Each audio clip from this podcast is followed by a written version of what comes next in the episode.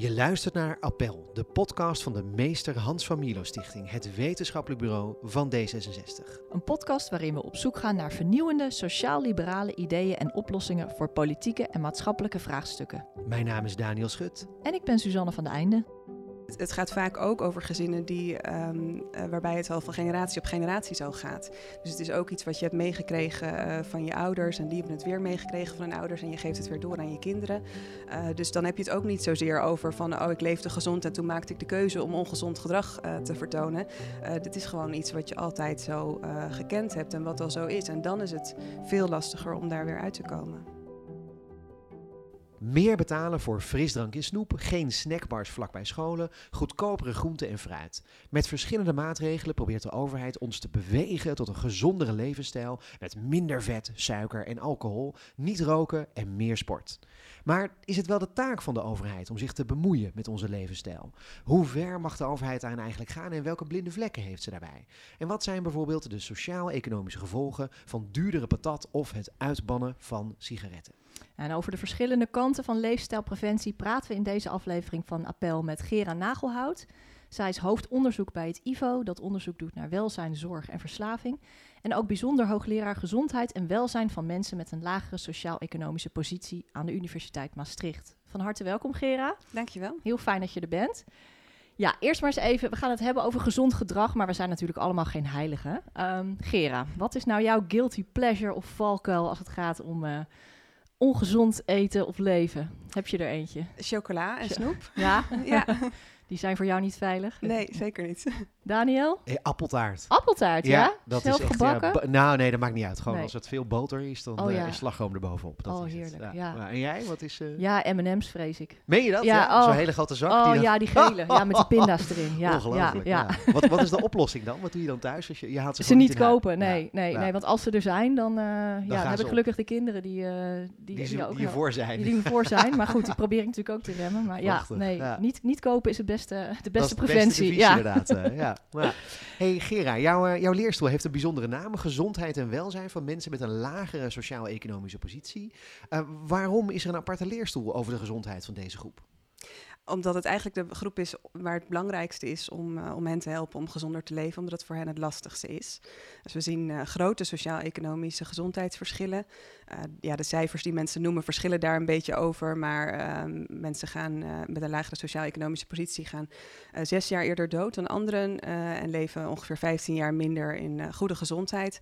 Dus uitermate belangrijk om echt naar die groep te gaan kijken. Ja, dat is natuurlijk logisch dat je zegt, nou, er is een bepaalde laag in de bevolking als je het klassificeert met de statistieken bij, die, uh, die dus inderdaad eerder doodgaat. Zo simpel kun je het wel gewoon stellen. Ja. Um, voor sommige mensen voelt het ook een beetje raar dat er dan een hoogleraar komt. Uh, dat is niet een lage sociaal-economische positie, die dan als het ware de microscoop legt op uh, die anderen. Hoe ga je daarmee om? Ja, vind ik zelf ook lastig. En ook de, de term alleen al, lage sociaal-economische positie, is natuurlijk helemaal niet fijn voor mensen om op die manier te spreken. dus wat ik het liefste doe, is het hebben over mensen voor wie gezond leven het lastigste is. En ook samen met hen kijken hoe we kunnen helpen en hoe we hun leven beter kunnen maken. Ja. En dat gaat niet altijd over gezondheid, maar dat gaat ook wel eens over welzijn. Dus vandaar die, die lange term. Ja, ja. ja. En, en we kunnen daar ons wel wat bij voorstellen, om wat voor groep dat nou gaat. Maar um, um, hoe baken je die groep af als onderzoeker? Kijk je dan naar een bepaald, vanaf een bepaald inkomen of bepaalde wijken? Of, of hoe moet ik me dat voorstellen? Ja, dat, dat verschilt per onderzoek. En ik, maar ik probeer daar zelf nooit heel streng in te zijn en ook te kijken hoe mensen dat zelf uh, ervaren. Dus ik heb bijvoorbeeld een adviesgroep met mensen die van weinig geld moeten rondkomen. Uh, ja, dat, we vragen ja. gewoon of je iemand bent die van weinig geld moet rondkomen. Ja. En ik heb geen idee wat precies hun inkomen is. Nee, nee, precies. En je onderzoekt dan hoe je hen het beste kunt helpen om, om gezonder te leven. Ja, ja en om een prettiger, uh, hogere kwaliteit van leven te hebben. Ja, ja, ja, ja oké. Okay. En, en misschien dan maar gelijk um, daarop doorgaand. Wat is de reden dat het voor hen het moeilijkst is om gezond te leven? Daar liggen verschillende redenen aan ten grondslag, maar een hele belangrijke is uh, bestaansonzekerheid.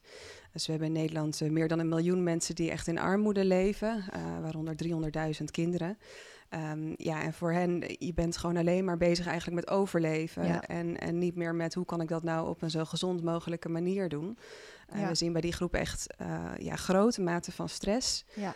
Ehm, en dat is niet gewoon de stress, uh, zo van, oh, kom ik wel op tijd bij de podcast. maar dat is echt chronische stress die, die weken en maanden aan uh, ja, duurt. Jaren dus zelfs eigenlijk. Jaren, ja. ja. en, en dat is heel ongezond. en, en dat zorgt ervoor dat je niet meer logisch kan nadenken en, en geen impulsen meer kan onderdrukken. Dus dat maakt gezond leven heel lastig. Ehm, maar dat is een van de dingen. Je hebt natuurlijk ook mensen die niet echt die bestaansonzekerheid hebben, maar wel in een armere wijk wonen waar de leven omgeving eigenlijk alleen maar uitnodigt om ongezond te leven in plaats van juist om gezond te leven. Uh, en zo zijn er mensen die in werkomstandigheden uh, ja, werken waar het, waar het heel ongezond is. Uh, dus er zijn verschillende dingen die er allemaal eigenlijk aan bijdragen. Ja. Maar dat vind ik wel interessant wat je zegt, hè? want het, het klassieke liberale beeld is natuurlijk dat mensen vrijheid hebben van keuze en dat ze zelf voor dingen kiezen. Maar eigenlijk geef je aan dat mensen dus door omstandigheden zo onder druk komen dat ze verkeerde keuzes maken. Ja, ja, dat klopt. En verkeerde keuzes vind ik al niet echt een fijne term, maar waardoor ze bepaalde keuzes maken die kunnen leiden tot, uh, tot meer ongezond gedrag. Korte termijn genot, korte termijn bevrediging bijvoorbeeld. Van Als je zegt uh, een hamburger of zoiets, dan is het, uh, hup, dat doen we dan snel klaar ook. Ja. Uh, maar langer termijn is dan minder makkelijk mee te nemen. Ja, en, en het gaat vaak ook over gezinnen die, um, waarbij het al van generatie op generatie zo gaat. Dus het is ook iets wat je hebt meegekregen van je ouders en die hebben het weer meegekregen van hun ouders en je geeft het weer door aan je kinderen. dus dan heb je het ook niet zozeer over van, oh, ik leefde gezond en toen maakte ik de keuze om ongezond gedrag te vertonen. Uh, dit is gewoon iets wat je altijd zo uh, gekend hebt en wat al zo is. En dan is het veel lastiger om daar weer uit te komen. Ja. Dus dan kun je niet, je, je, je kunt dus eigenlijk niet zeggen, je kunt, kies, je kunt kiezen voor gezond gedrag. Of tenminste, niet voor iedereen geldt dat. Nee, nou ja, natuurlijk zijn er kleine keuzes die je kan maken, maar het is wel zo lastig um, ja. ja. dat, dat mensen daar echt hulp bij nodig hebben. Ja. Nou is in, um, in 2018 het Nationaal Preventieakkoord gesloten. Hè, met als, dat was een groot, een heleboel partijen waren erbij betrokken. Dat is eigenlijk een soort van het, het kader van waaruit de overheid nu werkt om hè, mensen tot gezonder gewicht gezondere levensstijl te, te bewegen. Door overgewicht en overmatig alcoholgebruik terug te dringen. Dat waren twee belangrijke doelen. En om uh, tabak zo'n beetje helemaal uit te bannen. Ja. Um, misschien eerst even over dat akkoord. Wat, wat merken we hier in de dagelijkse praktijk nou concreet van? Hoe, hoe kan je daar wat voorbeelden van noemen? Wat... Um, nou, de, de, prijzen, uh, dus er zitten prijsmaatregelen in, niet genoeg naar mijn mening, maar, uh, maar die zitten er wel in. Dus het tabak ja. uh, wordt duurder, er mag, ja. mag geen promotie meer op alcohol.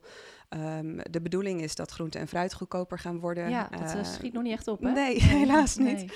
Um, tabak is niet meer in, in van die hele mooie pakjes verkrijgbaar, maar dat zijn allemaal ja, van die lelijke plain packaging, zoals we dat noemen. Met van die gruwelijke foto's ook nog ja. erop. Ja. En ook in woorden de boodschap. Je gaat er ja, aan. Dat is, ja. Ja. Ja. ja. Dus dat soort maatregelen zijn erin. Ja. Ja. Hey, een paar dagen voor deze opname was ineens dit nieuws dat uh, Nederlanders gezonder zijn gaan eten. Met uh, meer groente, meer fruit en minder rood vlees. Uh, dat is toch wel te danken aan het provincieakkoord, of niet? Geen idee. Geen idee. ja. ja, hoe moet je dat weten? Dat is lastig. Um, in het preventieakkoord um, ja, staan nou ook weer niet zoveel maatregelen waarvan ik denk van oh, dat heeft dit veroorzaakt. Of in ieder geval niet de maatregelen die al zijn doorgevoerd. Ja. als nou die groente en fruit goedkoper waren geworden en daarna zag je dat er meer groente en fruit werd gegeten, ja, dan zou ik het nog wel uh, daaraan toe durven te schrijven. Maar op dit moment eigenlijk uh, niet. niet. Nee. Nee, nee. nee. Zijn er ook maatregelen in het preventieakkoord waarvan jij zegt, nou, dat geloof ik niet zo? Uh, hoe bedoel je dat geloof ik niet zo? Nou, waarvan je denkt van, dat je er moeite mee hebt, dat je ze denkt ze werken niet vooraf of... Um, nou ja, ik heb heel veel moeite met de dingen die juist niet in het preventieakkoord ah, staan eigenlijk. Ja. Nou, dat is mooi. Um, en, en bijvoorbeeld uh, het hele alcoholakkoord, uh, dat staat vol met we moeten meer onderzoek doen. Dan zou je denken dat ik dat als onderzoeker superleuk vind om meer onderzoek te doen. En ja. dat is natuurlijk ook wel zo, maar het is gewoon heel zonde dat daar niet uh, prijsmaatregelen bijvoorbeeld en beschikbaarheid. Nee, daar is niks. Um, weinig. ja, wel, wel iets met reclames, verkortingen zeg maar, dat dat wat minder mag. maar niet een flinke accijnsverhoging elk jaar of zo. Nee. Niet zoals wat met uh, wat roken, sigaretten worden natuurlijk wel steeds duurder. Ja, maar ook um, in, in een, een, conceptversie van het uh, preventieakkoord uh, heb ik destijds nog zien staan van oh, daar, daar zouden nog elk jaar grote accijnsverhogingen op komen. en toen kwam de, de definitieve versie uit en was dat ineens weg. Oké. Okay. Um, en toen zijn we samen met een groep onderzoeksjournalisten van die Investigative Desk zijn we er naar gaan kijken van wat is daar nou gebeurd. Ja. en dan is er toch weer invloed van industrieën. Um, ja, die, zoiets tegenhouden. Ja, hoe is dat gegaan? Met, uh, um, dat is uh, tijdens het preventieakkoord of tijdens het, het, maken van het preventieakkoord had je drie uh, tafels. Dus eentje over alcohol, één over tabak en één over overgewicht. Um, en bij de alcohol- en overgewichttafel mocht de industrie meepraten. Um, wat ik heel bijzonder vind. Hè. Dus de alcoholindustrie ja. zit aan tafel om mee te praten over het terugdringen van alcohol. Uh, bij tabak mocht dat niet, uh, omdat daar een internationaal verdrag voor is dat dat niet uh, toestaat. Ja. Um, en bij de, bij de overgewichttafel, daar zaten de chipsfabrikanten en de, de In ieder geval de supermarkten en, en dat soort partijen. Ja. Een bekende metafoor is anders een kalkoen die meebeslist wat er op kerst, met kerst op tafel komt. Precies, ja. ja, dat, ja. Dat, volgens mij kun je dat alleen maar in Nederland bedenken om op die manier te gaan werken. maar voor tabak mocht het dus niet. En dan zie je toch dat dat dan via uh, politieke processen uiteindelijk uh, er dingen uitgehaald uh, worden. Bij tabak ook? Ja. Ja? Wat, wat bijvoorbeeld? De accijnsverhogingen. De acc oh, ja. dus, de, dus de meest uh, effectieve maatregel uh, om uh, tabaksgebruik terug te dringen. Terug te dringen. maar dat vind ik wel interessant. Je, ooit heb je je promotie is ge gegaan over wat de beste maatregelen zouden zijn om roken tegen te gaan. Ja. Um, en, en wat kwam daar dan kort uit? Want dan heb je dus eigenlijk al nagelbijtend naar dat preventieakkoord gekeken. Ja, en vooral ook omdat ik, um, ik was betrokken bij die, die doorrekening van het RIVM. Dus daardoor had ik al een conceptversie gezien en dacht van, oh mooi, daar staan mooie ja. dingen in. Ja. Um, maar ja, toen was het toch ineens teruggedraaid, dus dat was heel zonde. Um, ja, wat je ziet wat het meest effectief uh, is, uh, zijn inderdaad accijnsverhogingen. Uh, ik, ik heb wel meegewerkt aan modelleringsstudies om te kijken van hoe kan je het percentage rokers naar beneden krijgen. Mm -hmm. En dan is eigenlijk het enige wat je echt moet doen, zijn die accijnsverhogingen.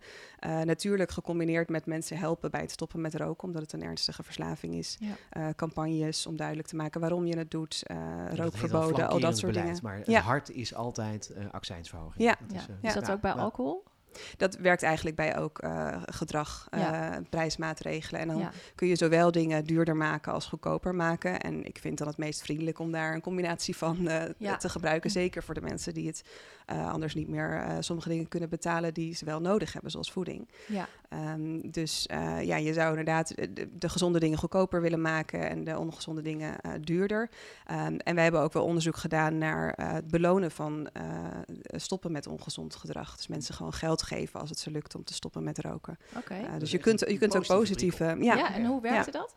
Dat werkte heel goed. Ja, dat was een, uh, wel een combinatie ook van uh, ondersteuning bij het stoppen met roken. Dus mensen, niet mensen aan een lot overlaten met, uh, met een beloning. Als het je lukt, um, krijg je 1000 euro. Ja, maar dat, nee, dat echt, zou gemeen ja. zijn. Maar ja. ja. goede hulp ja. in combinatie met een beloning werkte extra goed. Je, je, zegt die uitdrukkingen, dat zou gemeen zijn. nou zijn er rokers natuurlijk die zeggen... ja, sommige rokers die komen uit lage socio-economische posities. specifiek ook jouw specialisme. Die zeggen dan, ja, hola, ik ben nu al per week ben ik 50 euro kwijt aan die pakjes sigaretten. En die accijns gaat dan omhoog. Dan ben ik er eens 150 euro aan kwijt. Ja. Dat is toch oneerlijk? Is ook zo. En het, dat snap ik helemaal vanuit die groep. Um, tegelijkertijd, als ik met hen spreek, dan, hoor ik dan vraag ik ook wel eens van... ja, maar hè, uh, we zien ook kinderen steeds meer roken... en dan uh, wordt er toch wel wat meer genuanceerd... want ze willen natuurlijk ook niet dat hun kinderen uh, ja. gaan roken. Ja. dus willen ook dat daar effectieve maatregelen voor worden genomen... om dat te voor, voorkomen. Ja. Ja. Um, maar uh, ja, het moet niet zo zijn dat je heel veel geld kwijt bent aan sigaretten terwijl je daar ernstig aan verslaafd bent, zonder dat je daar goede hulp bij krijgt om ja, ermee te stoppen. Ja. Ja. Ja. En is die hulp beschikbaar? Goede hulp beschikbaar? Die hulp is er. Die hulp zit ook in uh, de, de, zorgverzekering, krijg je dat krijg je uh, vergoed. vergoed ja. um, maar het is wel heel beperkt. En uh, we zien juist dat dus deze groep meer moeite heeft met het stoppen met roken, meer verslaafd is, vroeger begonnen is.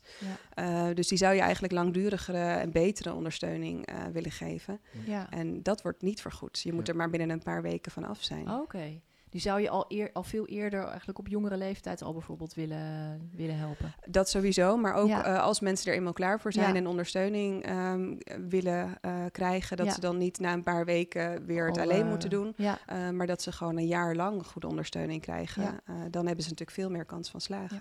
En, en hoe komt, je noemde al een paar dingen van mensen uh, van laag, met een lagere sociaal-economische positie uh, hebben vaak moeite het hoofd boven water te houden. Zit daar ook die link met, uh, met alcohol of uh, met, met roken? Uh, dat, waarom die groep eerder rookt? Waarom meer mensen in die groep roken? Ja, Vanuit de um, stress, hè? De, de... Nou ja, het is natuurlijk niet zo dat, dat roken helpt tegen stress. Dat is alleen maar het gevoel dat Ja, je hebt uh, als je helemaal verslaafd Ja. bent. Ehm, maar eh, ja, het is wel zo dat je, dat je minder makkelijk uh, je impulsen kan onderdrukken als je heel erg in de stress zit. Dan, dan werkt gewoon je prefrontale cortex niet meer op die manier. Prefrontale dat cortex, dat is? Ja, dat is een gebiedje in je hersenen uh, die, die, gewoon dan niet meer goed werkt als je in chronische stress zit. En dat helpt je om, om impulsen te onderdrukken, te plannen, te prioriteren. Ja. En dat zijn nou juist de dingen die je nodig hebt als je op wilskracht ja. Ja en juist als je, als je geldzorgen hebt, dan moet je juist niet roken. Want dat, dan zou je een hoop geld overhouden als je die sigaretten niet meer Ja, als je het puur naar mensen kijkt als rationele ja, wezens... Precies. Uh, ja, en, en niet de, de verslaving van producten meeneemt... dan denk je, ja, ze kunnen toch beter stoppen inderdaad. En dat is ook zo. Ja, ja. Uh, maar dat is niet altijd uh, zo makkelijk om te doen. Maar dan is het eigenlijk wel extra gek eigenlijk als je zegt van... Ja, mensen zijn dus geen rationele wezens en ze raken dus verslaafd aan iets. En, en verzinnen dus ook allerlei rare rationalisaties achteraf om het te verklaren aan zichzelf. Nou, het is juist goed tegen de stress, zeggen ze dan, terwijl het niet zo is. Um, dat dan toch een ultiem rationele prikkel als prijs blijkbaar wel werkt om het gedrag te veranderen. Ja, um, uh, we zien zeker dat het werkt. En ook bij de groep, juist de groep die minder geld heeft. Ja, ja. Um, maar uh, ja, voor de groep die heel erg verslaafd is, die zal uh, echt de afweging maken van ga ik nou dat brood kopen of ja. hè, om mijn gezin te voeden of ga ik het pakje sigaretten kopen. Ja. En die kiest dan toch soms voor dat pakje sigaretten. Jeetje. Ja, ja.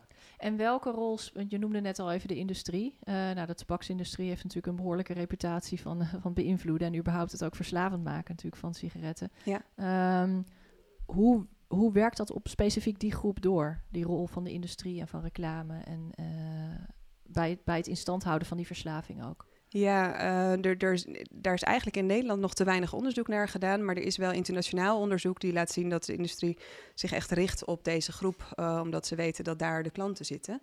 Um, en, en zich ook juist richt op de jongeren. Uh, want als mensen vroeg verslaafd zijn, dan blijven ze klanten blijven voor het leven. Roken, ja. um, hoe doen ze dat dan? Hoe, hoe? Ja, door op bepaalde wijken uh, in te zoomen. Bepaalde... Ja, echt targeten van, nou, daar zitten onze potentiële rokers, daar gaan we... en daar zie je dan de posters van uh, Nou ja, en, en, kijk, in Nederland mogen we natuurlijk geen eh, marketing meer doen, behalve in de tabakzaken zelf. Maar je ziet daar dan wel meer tabakzaken, wat natuurlijk ook ja. vanuit economisch perspectief wel logisch is, dat je gaat zitten op de plek waar, je klanten zitten. Maar het zorgt er wel voor dat mensen opgroeien en um, ja, iedereen om hen heen zien roken, overal zien dat roken te koop is. en dan wordt het ook lastiger om niet te beginnen. Ja, ja. Nou hoor je ook vaak uh, als je... Uh, ik moet nu gewoon telkens aan Johan Derksen denken. En dat is misschien ook niet gezond voor mezelf. Maar uh, ja, maar je hoort ook telkens dat waar veel mensen bezwaar tegen maken... is het moraliserende toontje wat er omheen hangt. Mm -hmm. daar komen dan weer, nou ja, onder andere D66... maar ook onderzoekers komen dus met hun vinger... en die zeggen, nou roken, dat is slecht voor je.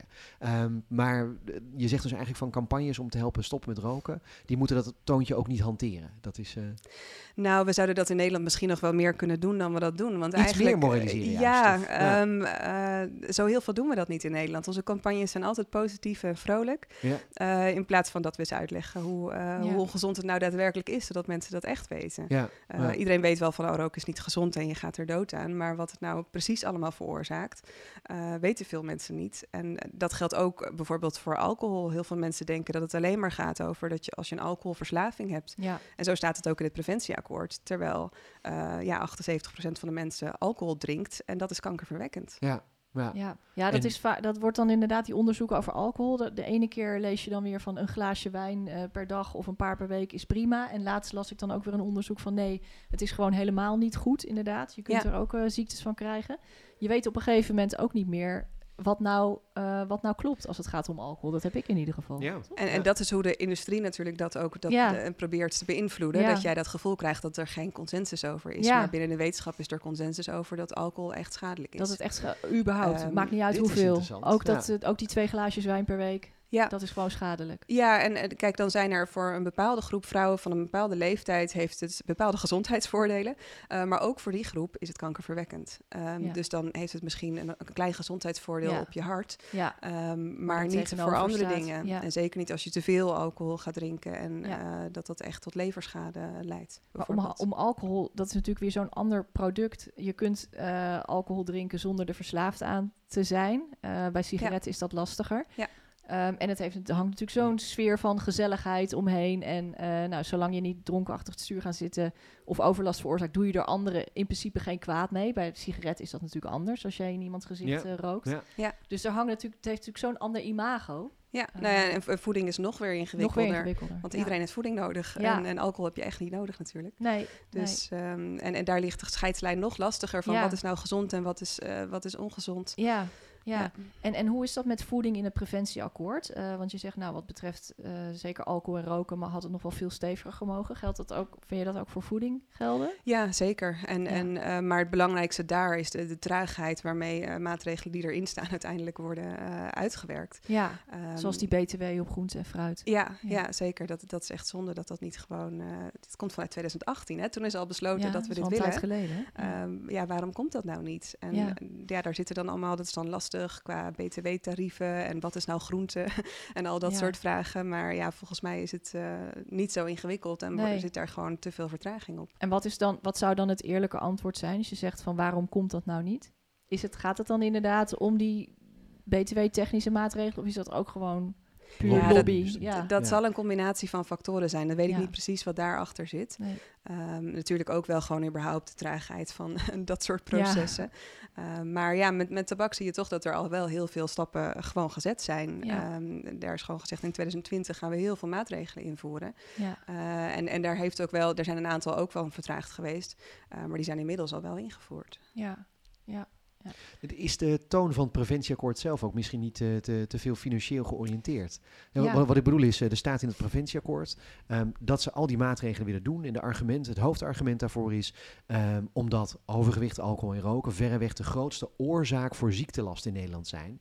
Met 35 doden en vooral, dat was het 35.000 belangrijkste, doden. 35.000 doden, sorry. Maar vooral, en dat was het belangrijkste, 9 miljard euro aan zorguitgaven per jaar. Ja. Is het zo focussen op die kosten? Is dat een goede reden? Voor mijzelf overtu- overtuigt het mij niet zo. ehm, maar ik snap dat een overheid dat moet doen. Eh, natuurlijk is het, ehm, je moet dat niet op individueel niveau gaan doen. Van, eh, je, je mag dat gedrag niet eh, vertonen, want dan ben je te duur. Ja. Ehm, Maar op populatieniveau moet je als overheid natuurlijk kijken eh, wat je moet doen aan die oplopende zorgkosten. Daar moet iets aan gebeuren. Ehm, en dan is gezonder leven wel een van de oplossingen natuurlijk. Eh, ja, zorgen dat mensen niet ziek worden in plaats van als ze al ziek zijn, dat je dan Ja. keuzes zou moeten maken over de zorgkosten. Ja. Dus het is op zich wel logisch, maar ja, als gezondheidswetenschapper wil ik natuurlijk dat er ook gewoon gekeken wordt naar gezondheid en, en kwaliteit van leven.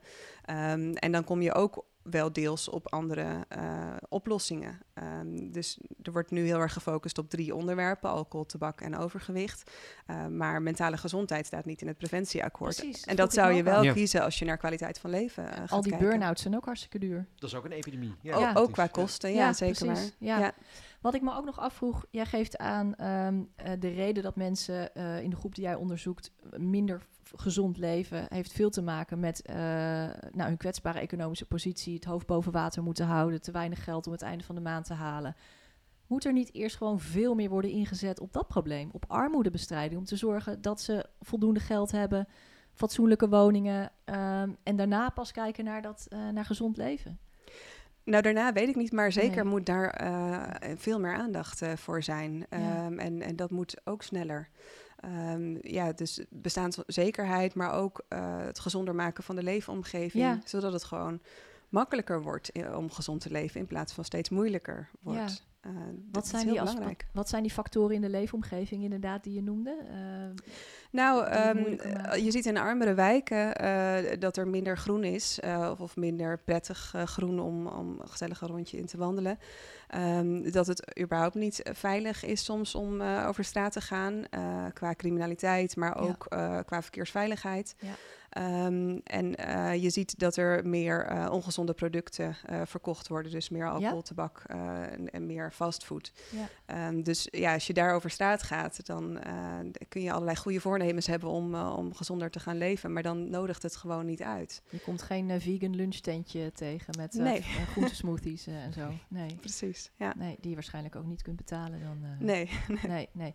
Maar je zei van dat moet, ehm, want het is een argument wat ik binnen D66 ook nog wel eens hoor. Hè? Van nou, laat ze eerst eens even zorgen voor fatsoenlijke woningen en een goede omgeving, voordat ze mensen hun zak patat en een sigaret gaan afpakken.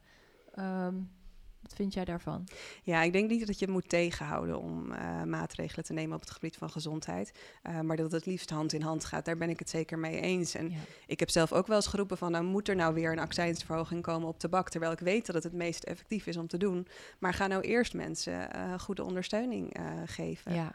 Ehm, ja, het liefst wil je, wil je de combinatie natuurlijk. Het is ja. heel lastig als je een soort van gedwongen wordt om, om gezonder te leven. Ja, Eh, ja, terwijl je gewoon de middelen niet krijgt eigenlijk om je gedrag te veranderen. weer gedacht te veranderen, De- ja. Daar zit ook weer een vraag bij natuurlijk. van Wat, wat kan je eigenlijk van de overheid verlangen in dit soort situaties? Eh, hoeveel hoort de overheid eigenlijk te doen? Eh, ik denk veel meer dan dat ze nu doen. Ehm, eh,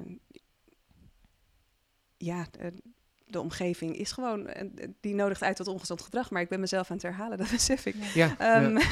maar eh, ja, het is gewoon doodzonde dat de overheid dat, dat niet aanpakt. En, en dat er mensen in armoede leven in Nederland, dat is eh, ja, deels gewoon een keus. Eh, we zouden dat natuurlijk als Je, samenleving je of bedoelt, het is deels een keus dat we mensen dat we toestaan dat we dat Ja. mensen in armoede leven. Dat Ja. is voor de duidelijkheid. Ja. Dat is, eh, ja. Maar, ja. maar je zou kunnen zeggen, ja, die gezonde, die omgeving die is er gewoon. Ehm, en ja, eh, we gaan kijken of we mensen ergens wel mee kunnen helpen. Maar we gaan niet die hele omgeving proberen aan te passen.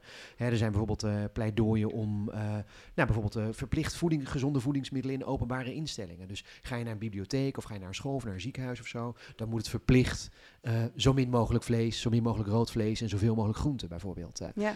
mag de overheid wel zover gaan om de hele omgeving helemaal te, te herstructureren? Ik denk het wel, zolang je niet mensen echt eh, verplicht ehm, tot ander gedrag, eh, dat je dat zeker wel kan doen. Ehm, want eh, er is bijvoorbeeld toen er een, een rookverbod op de werkplek werd ingevoerd, Ja, eh, ja. 20 jaar geleden, ehm, ja, werd er ook gezegd dat dat te restrictief zou zijn. Maar het is niet dat je niet mag roken. Je mag het alleen niet meer binnen doen, waar je een ander daar ook nog eens schade mee toebrengt. Maar, maar om het plaatje dan even helder te maken. wij zitten dan op kantoor en op vrijdag kijk ik Suzanne en zeg het is tijd voor de borrel. en ik neem er een portie bitterballen bij. Ehm, dat, dat zou je dus willen verbieden eigenlijk. Dat we er een portie bitterballen bij kunnen bestellen. Ehm, dat zou ik zelf niet verbieden. Nee. Eh, Nou, maar je- gelukkig, eh, Daniel. Maar je kunt wel denken van laten we eh, vegetarisch de norm maken en vragen hoeveel vleeseters Ja. eh, zijn er in de groep in plaats van dat we dat omdraaien zoals we dat nu doen. Maar, maar, maar is het dan de overheid die dat verplicht zou moeten stellen of aanmoedigen? Is dat wel de taak of de plicht of de, de, de, de positie van de overheid om dat te doen?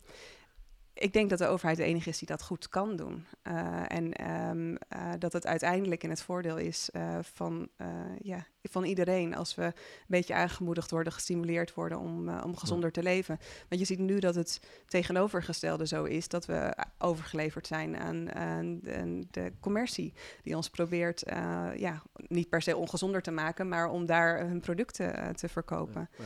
Maar goed, ja, dan, zegt, dan zegt ook wel weer de, de klassiek liberaal misschien ja. Maar zolang ik anderen toch geen schade toebreng, waarom, mag, waarom is leefstijl dan niet gewoon iets wat ik zelf mag bepalen? Waarom is dat niet een kwestie van eh, een individuele keuze? Nou ja, die is er dus wel. Ehm, je, je mag al die dingen eten en eh, en gebruiken. Ehm, maar alleen niet op, op sommige plekken wordt het misschien niet aangeboden. Dus het Ja. wordt ontmoedigd, maar niet dat het niet meer Niet mag. verboden, nee. Ehm, en een van de redenen die daarachter ligt, is inderdaad die zorgkosten eh, die dan eh, hoger worden. Ja, ja. En daar betaalt iedereen aan mee. En dat- dat kun je niet helemaal individueel eh, zien. Ja, ja, maar dan inderdaad nog even op die klassiek liberaal door te gaan. Die zegt misschien ja, maar er gaan ook hele volkstammen elke winter op wintersport en komen terug met een gebroken been. Daar betaal ik ook allemaal aan mee. Mensen die in het weekend eh, vrijwillig lopen te voetballen en dan Precies. meteen twee kapotte knieën terug. De hele eerste hulp ligt vol met, Ja. eh, met, eh, met gekneusde enkels inderdaad. Precies. En, zo ook, en, en het, het, psychische inderdaad, het, eh, hè, eh, burn-outs en zo en dergelijke. Uiteindelijk betaal je allemaal toch wel mee Zeker. aan iets wat je zelf niet eh, doet. Moeten we dan Ja. ook stoppen met, met mensen voetballen te ontmoedigen in het weekend? Nou, dat- misschien dat best lijkt wat me voor le- te zeggen. Ja. ja. dat lijkt me niet. Nee, ja, volgens mij moet je ehm, de, de hele ongezonde dingen eh, ontmoedigen, maar mensen gewoon de keuze geven om inderdaad eh, op wintersport te gaan of een frikandel te eten of wat dan ook. Ja. Ehm, dus ja, eh, niet, niet te ver gaan, maar wel mensen ontmoedigen en stimuleren en Ja. ondersteunen als ze iets willen doen. De dingen waarvan misschien, want wat precies gezondheid is, is misschien ook nog wel een punt van, van, eh, punt van discussie. Hè? Van wat is, misschien dingen waarvan echt vaststaat dat ze ongezond zijn. Ja. Toch? Want dat is natuurlijk ook, eh, dat zag je nu ook met, die, met dat keurmerk, met die, ehm, dat ABCDE-keurmerk. Ik weet even niet wat de naam daarvoor is. Eh, ja, oh ja. Hoe heet het ook alweer? Opvoeding. Eh, ja. Food packaging bedoel je, dat is eh, de Ja, dat er bijvoorbeeld dat Ja. bij op worteltje staat dan een A. Een Nutri-score. Nutri-score. Ja, dat is hem, dank je. Eh, maar er kon er op een gegeven moment ook per ongeluk een B op een pizza, diepvriespizza of zoiets staan. Dus dat was binnen die categorie de beste Ja, optie zoiets, was. ja. Ja, Ja. ja, ja. Dat is niet het best ontworpen logo. Nee. ja, daar is kritiek op te geven, inderdaad. Ja. Dat is, eh, ja. Ja. Nog even over dat. eh, eh, we zitten natuurlijk een beetje te zoeken naar van waar ligt dan de grens van wat de overheid Ja. precies kan doen. Mhm. Eh, de vraag bij bitterballen is inderdaad in hoeverre hebben andere mensen last. Maar jij zegt dus van ja, een vergelijking tussen roken of bitterballen of voetballen. Dat moet je eigenlijk beoordelen op basis van voor het individu eigenlijk misschien ook wel de, de langetermijn consequenties ook die er zijn. En, en of je daar rekening mee wil houden. Ehm, en hoe dat dan precies zit. Maar nog een andere vraag die ik daarbij had was. Je gaf ook duidelijk aan van ja, ehm, eh, als we het nu overlaten, dan is het dus de commercie die het bepaalt. Ja. Ehm, dus wat je, klopt het dat je daarmee eigenlijk zegt dat je, je weliswaar vaak denkt dat je een vrije keuze hebt en dat je dus vrij kiest voor bitterballen, maar dat het eigenlijk dus de commercie, de marketing is die het voor je bepaald heeft. Ja, ja. Ik, ik moet heel vaak eh, overstappen op Utrecht Centraal als ik van eh, Den Haag naar Maastricht eh, reis met twee banen. Ehm, en dan word ik heel erg verleid om inderdaad voor die chocola of die snoep Ja, te kiezen als ik eh, daar overheen loop. Terwijl als daar allemaal fruit te koop zou zijn of allemaal gezonde dingen, eh, zou ik veel, meer, ja, veel Ja. minder die verleiding voelen. Dus Ja. eh, ook ik ben eh, ja, de onderworpen. Ja, We hadden net over je guilty Ja. pleasure, dus dat is de plek waar ja, zeker. waar de chocola naar binnen valt. Zeker, is, eh, ja. Ja, ja, zo verbaas ik me nog steeds over dat in het zwembad, daar staat waar jij ook eh wekelijks eh, komt, ja. daar, eh, daar staat dan zo'n enorm automaat met snickers en eh, koeken Ja. en weet ik het allemaal. En niks Ja. van fruit of zo. Maar dat, dat heeft, is, is, is het preventieakkoord daar ook nog dingen mee van plan? Met, met inderdaad op, op plekken waar kinderen komen Eh, volgens mij minder- niet. niet... Nee. Nee. Nee.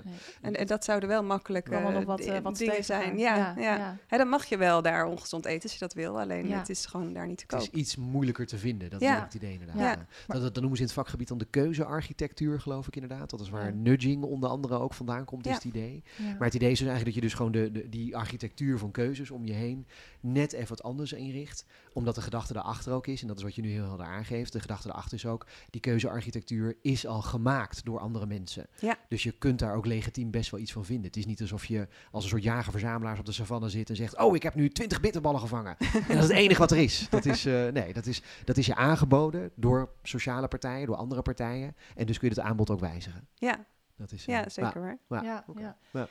En ik zit nog even over die, eh, die lobby van de industrie te denken. Want ik schrok er wel van dat inderdaad bij de, de overgewichttafel en de alcoholtafel bij het preventieakkoord... dat die industrie dus aan tafel zat. Dan, dan komen we er toch nooit?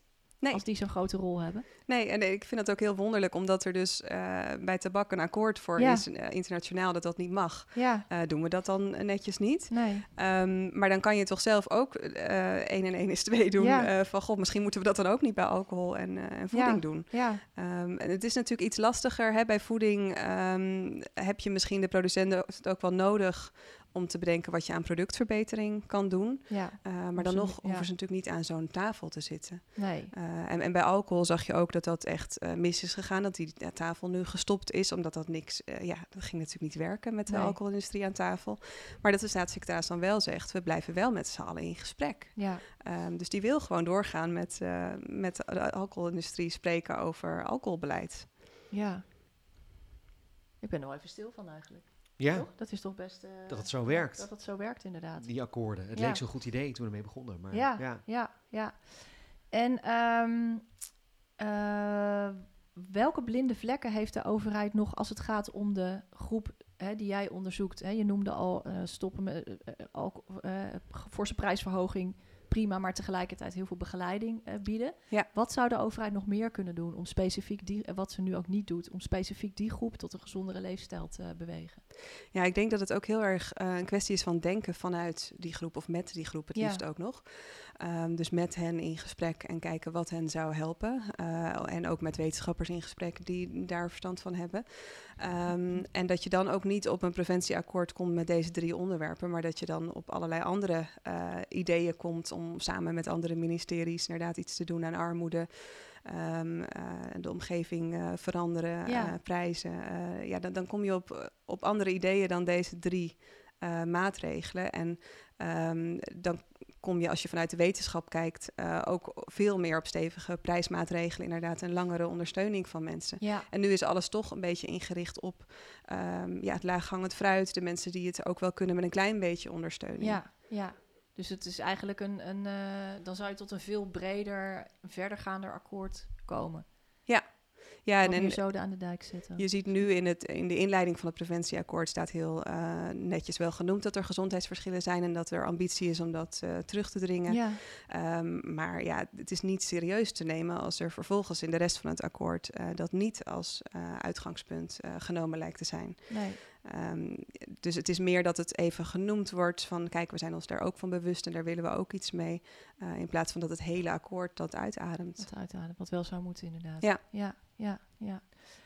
Ehm, waar ik ook nog wel benieuwd naar ben, eh, kan een, een goed preventieakkoord, hè, dus, dus een stuk breder dan wat er nu ligt, kan dat ook bijdragen aan minder ongelijkheid en meer rechtvaardigheid?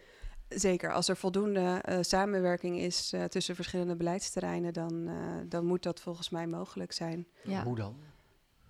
Ehm, eh, nou ja, de, de dingen die ik eigenlijk al noemde, dus eh, bestaansonzekerheid terugdringen, Hm. eh, de omgeving eh, veranderen, eh, met mensen in gesprek over eh, ja, wat hen kan helpen, langere, betere ondersteuning. Dus alles echt gedacht vanuit die groep. Ehm, Ja. en, en dan kunnen we daar zeker wat aan doen. ja, ja. Merk je ook dat die groep het ook wel graag zou willen om anders te leven? Ehm, dat ligt er een beetje aan of mensen echt midden in eh, de verschrikkelijke In de ellende stress zitten. en de ellende Ja, zitten. ja. Eh, dan is het gewoon niet iets waar, ja, eh, waar ze op dat moment vaak mee aan de slag willen. Ja, Ehm, maar willen het dan wel weer voor hun kinderen. ja, Ehm, en willen het uiteindelijk op de lange termijn ook wel als er Ja. wat meer rust eh, in hun leven is. Maar ja. ja, ik spreek ook met mensen die zeggen: Ik weet heus wel dat volkoren brood gezonder is, maar ik moet het gewoon doen met wat er aan het eind van de dag over, Over is, is, en, en gratis wordt weggegeven. Dus ja, dat is niet een keus die je dan, eh, die je dan zelf kan maken om dat gezonder te doen.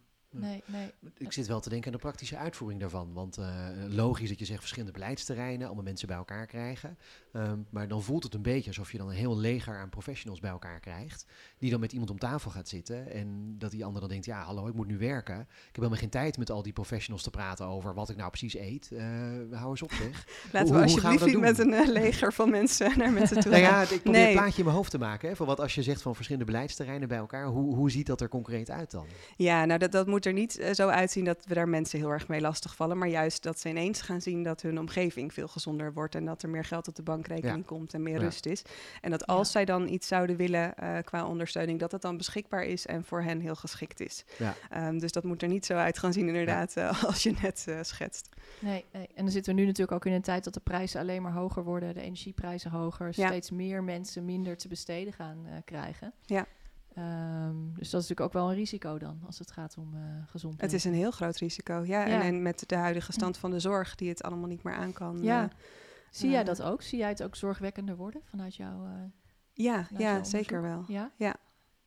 Ja, ik, ik Ja. vind het echt eh, heel lastig om te zien en met mensen alleen maar te spreken, zeg maar, zonder dat ik er iets aan Ja. kan veranderen. Dus ik kom elke keer maar weer hun ervaringen ophalen. Ja, Ehm, en zij vertellen hoe, hoe lastig en eh, hoe verschrikkelijk het allemaal is. En dan zeg ik, nou, dankjewel. En ik ga weer. Eh, dat, dat voelt heel dubbel. Je wil er eigenlijk gewoon ehm, meteen iets aan doen en Wat mensen doen. helpen. ja, een zak appels meenemen. Of, eh, ja. Nou ja, dat doen we dan inderdaad vaak met ons onderzoek. Maar Ja?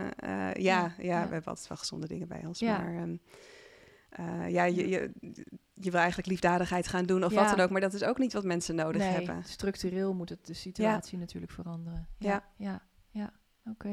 Dat is natuurlijk wel lastig als onderzoeker dat je ook een bepaald soort ja, afstand moet bewaren tot hetgene wat je aan het onderzoeken bent. Dat je dus niet zomaar, eh, je kunt dus niet elke keer een zak appels meenemen en daar... Ja, wat wij doen is, ehm, wij geven mensen een supermarktbon voor hun tijd als ze Ja. met ons in gesprek zijn gegaan. Dus ze krijgen er echt wel wat voor terug. Eh, en ik heb dat gesprek ook laatst gevoerd met mijn adviesgroep, waar ik dus eh, vijf keer per jaar mee samenkom. Van ja, eh, vinden jullie het eigenlijk wel oké dat we dit elke keer maar blijven doen en blijven vragen, maar nooit ehm, met oplossingen komen of, of jullie echt verder helpen? Ehm, en zij waren er eigenlijk best wel positief over. Eh, ja, van het is gewoon jullie rol. En ehm, ja, het, het is goed zo. En eh, oh, het voegt voor hen ook wat toe om daar eh, met z'n allen Ja. eh, te praten en een supermarktbon te krijgen en Ja. wat Ja. fruit te krijgen. Ja. Eh, dus zij hebben er zelf ook wel eh, ja, voldoende aan en, en kunnen dat onderscheid ook wel maken. Dat wij eh, ja, uiteindelijk meer op de lange termijn bezig zijn om inzichten te krijgen die Ja. anderen weer kunnen toepassen. Ja. Ja. Ja. Ja. Ja. Zou je nou zeggen dat preventie ehm, de keuzevrijheid van burgers verkleint of juist eh, hun vrijheid vergroot? Ik hoop dat laatste. Ja. Ja, ehm, en zo wordt er natuurlijk bijna nooit naar gekeken. Maar eh, nou ja, ik hoop door het beluisteren van deze podcast dat mensen dat een beetje in gaan zien. Ehm, maar ja, als, als, we niks, als de overheid niks doet, dan gaat de commercie ermee aan de haal. Dat doen ze natuurlijk al. Ehm, en dan word je overal, eh, ook op scholen, verleid tot, tot ongezond gedrag. Ja. ja, ik zit me nu eens, eens af te vragen waarom is de lobby van, voor gezonde producten eigenlijk niet zo groot? Dat zou je ook kunnen zeggen. De fruit- en groentetelers ja, van Nederland samen. Verenigt u en... Uh, nou, er zijn natuurlijk Verenigde Gezondheidsfondsen, dus dat bestaat wel. Um, maar die hebben minder geld dan, uh, ah. uh, dan de ongezonde lobby. Ongezonde lobby. Ja, die kunnen miljarden... er was vandaag nog een nieuwsartikel over wat de alcohollobby aan miljarden kan besteden. Uh, ja, dat, dat geld is er natuurlijk niet uh, vanuit de gezondheidsfondsen. Waarom, weet, waarom is dat? Waarom is, is, waarom is die zo veel hoger op alcohol? Ja, waarschijnlijk dus wel. Ja, ja dat, dat is dus een commerciële industrie. Dus die verkopen de hele dag producten. En die gezondheidsfondsen moeten het doen van wat ze van de overheid en van mensen zelf uh, geschonken krijgen. Dus dat, ja, ja maar goed, je hebt toch ook producenten van gezonde producten en, en, en groente en fruit telers. Ja, precies. Ja, dat, dat zou ook nog kunnen. Ja. ja. En die hebben dus eigenlijk niet het... Uh, de groenteboeren, zeg ja, maar. die verdienen niet genoeg bovenop de appel om, nee, om dat denk ik niet. lobbycampagne te financieren. Dat is, uh, ja. ja.